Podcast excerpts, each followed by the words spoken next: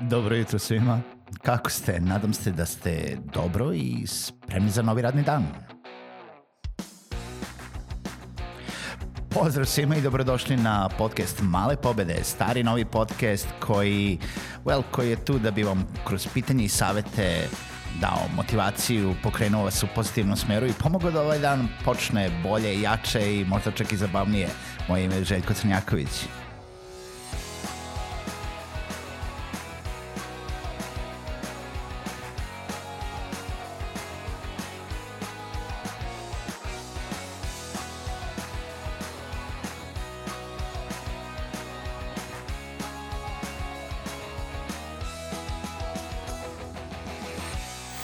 Pozdrav svima, dobro jutro i dobrodošli u novu epizodu podcasta Male pobede. Danas je sreda, sredina nedelje i danas jeste jedan dobar dan, danas jeste dan da možemo da počnemo sa jednom lepom, malom, velikom pobedom, to jest a, a, da zaokružimo priču koju smo pričali cele ove nedelje i poslednje dve epizode. A, Pionir se vratio, sredstva su dostupna i odmrznuta za sve račune koji su bili zamrznuti, a, šta više čak i kartice koje su a, izdate, jel da, koje postoje, koje, koje imaju svi u vlasništvu, koje su izdate od strane Wirecard Wirecarda su aktivne. Ono što je još dobra vest jeste da je Pionir uh, odlučio da ne naplaćuje proviziju za podizanje para sa bankomata sve do 6. jula, tako da eto još nekih malih provizija uh, koje se uh, ne moramo odreći i sad će svi pohrliti, već vidim redove ispred bankomata kako će ljudi početi da povlače pare.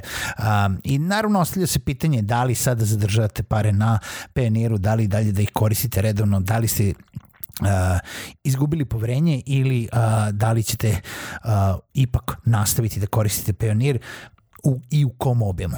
E, I kada smo već kod te teme, hajde da pričamo o tome, hajde da pričamo o tome koliko je Pionir zapravo, uh, šta je uradio dobro, šta je uradio loše i da li su ljudi zapravo izgubili poverenje ili, uh, ili je to bio samo neki mali peh, incident i jel da svakakvih korisnika ima i na tu količinu korisnika naravno možemo očekivati sve i svašta. Uh, mnogi kažu uh, da je Pionir isključivo kriv, mnogi kažu da Pionir uopšte nije kriv. Um, Misina je tu negde u sredini. Svi smo uvek znali da Payoneer nije bio, i to smo pričali u poslednje dve epizode, banka i nije bio financijska institucija kao takva. On je bio servis za uh, uh, elektronsku, to je manipulisanje elektronskim transakcijama, transakcijama tog e-novca. Znači, on ni u kom momentu nije rekao da će da drži naše pare, on ni u kom momentu, šta više čak nije ni rekao da je odgovoran za krajnji, za krajnji sigurnost tih para, ali da li ipak možemo kompletno da skinemo odgovornost sa njih? Pa na neki način i ne možemo, uh, jer uh, bilo je tu dosta propusta zapravo, pošto smo svi, to jest pošto se sad u retrospektivi uh, znalo da je Wirecard probleme objavio već početkom prošle nedelje i pošto se znalo da je proglasio uh, bankrot Wirecard AG uh, nekoliko dana, pa makar i da je 24 do 48 sati pre nego što su zamrznuti svi računi od strane uh, FCA, uh, to je britanskog regulatornog tela, uh, Payoneer je mogao na neki način ili da upozori svoje korisnike slanjem jednog kružnog maila gde je rekao, hej, imamo naznaku nekih problema, mislim za te probleme su se znali, ako ništa drugo, barem u tim krugovima, i uh, razmislite o tome ili da počnete da povlačite novac ili možda čak da omoguće jel da to prebacivanje na taj virtualni račun, to je taj njihov, da taj pare ne budu na kartici. E tu se javlja drugi deo te njihove odgovornosti gde Oni naravno kažu da su njihovi virtualni računi i dalje mogli da funkcionišu kako treba, ali su bili, jel da, pod uticajem samo ona sredstva koje su se nalazila na karticu. Ja vam mogu reći, ja sam korisnik Pionira već 6-7 pa možda čak i više godina. A, I ni u jednom momentu mene Payoneer nije pitao gde želiš da držimo tvoje pare. Da li želiš da držimo pare na virtualnom računu ili želiš da budu dostupne na kartici. Šta više, onda su bo, bo, počele neke insinuacije da Payoneer, pa dobro, nije to samo servis za te prepaid kartice, ima tu mnogo drugih servisa.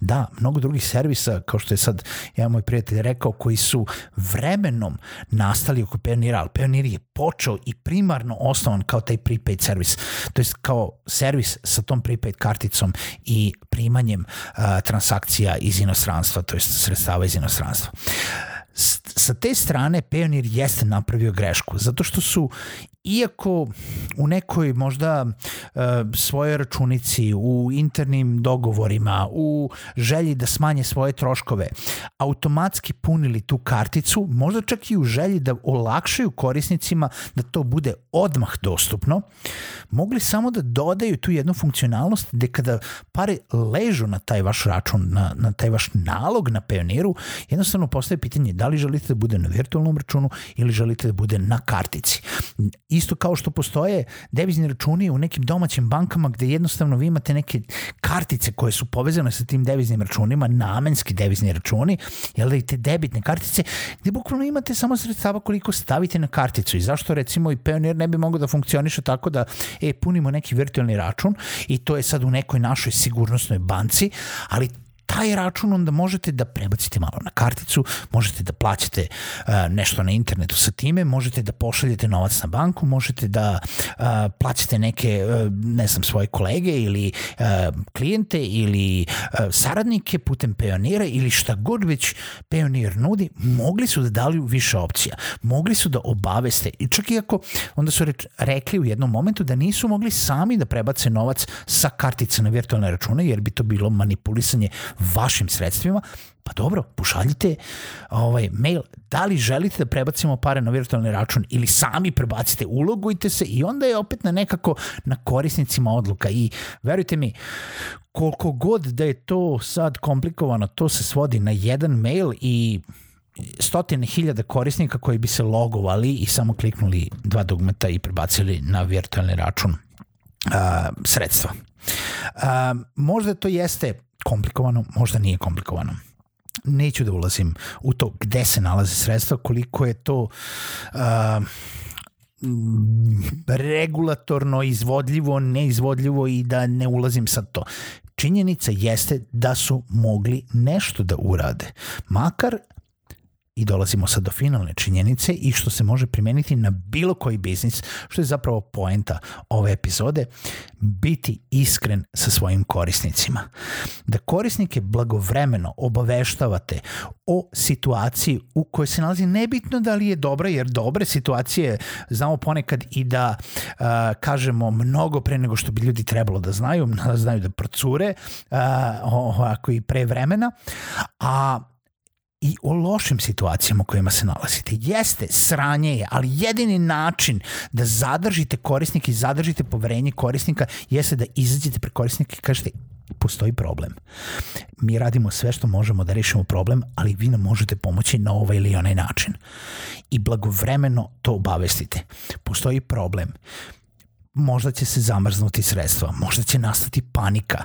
Ja razumem i sa njihove strane taj deo, možda će nastati panika i možda će ljudi panično početi da dižu novac i možda će ceo sistem da se sruši. Možda je bolje da ćutimo i da ne kažemo ništa i da nekako pregrmimo ova 3-4 dana. Ali sa druge strane treba obavestiti korisnike jer sada jeste došli su do toga da uh, naprave dogovore sa raznoraznim organizacijama i u ponedeljak izbace informaciju da čak i da nisu uh, sredstva uh, odmrznuta od strane britanskog regulatornog tela, mi ćemo nadoknaditi svima sredstva. I nismo mogli da izađemo ranije sa time zato što smo jel da, morali da obezbedimo sva ta sredstva, morali smo da obezbedimo možda neka partnerstva, kreditne linije, šta god smo trebali. I to razumem. I tu su pokupili gomilu poena. Sa time da ipak mogli ste nas obavestiti na vreme. Mogli ste predvideti ako ništa drugo sad znate da postoje sranja, sad napravite te rupe, a svi vi, moji slušaoci, vi sada što slušate ovu epizodu, razmislite o tome kako se vi ponašate u poslu sa svojim klijentima. Da li im Da li ste iskreni i otvoreni sa njima? Da li ih obaveštavate na vreme da li ste potpuno transparentni u vašem poslovanju. Jer to je jedini način da ostanete u poslu i nebitno od toga da li ćete tamo ne znam, izgubiti jednog, dva, tri, pet klijenata. Ako radite usluge, ako radite servis pogotovo, kao što je Pionir, nebitno da li je Pionir ili obskrbljavate servisom uh, veliki broj korisnika, jedini način da ostanete u poslovanju i da zadržite poverenje jeste da budete iskreni sa svojom publikom.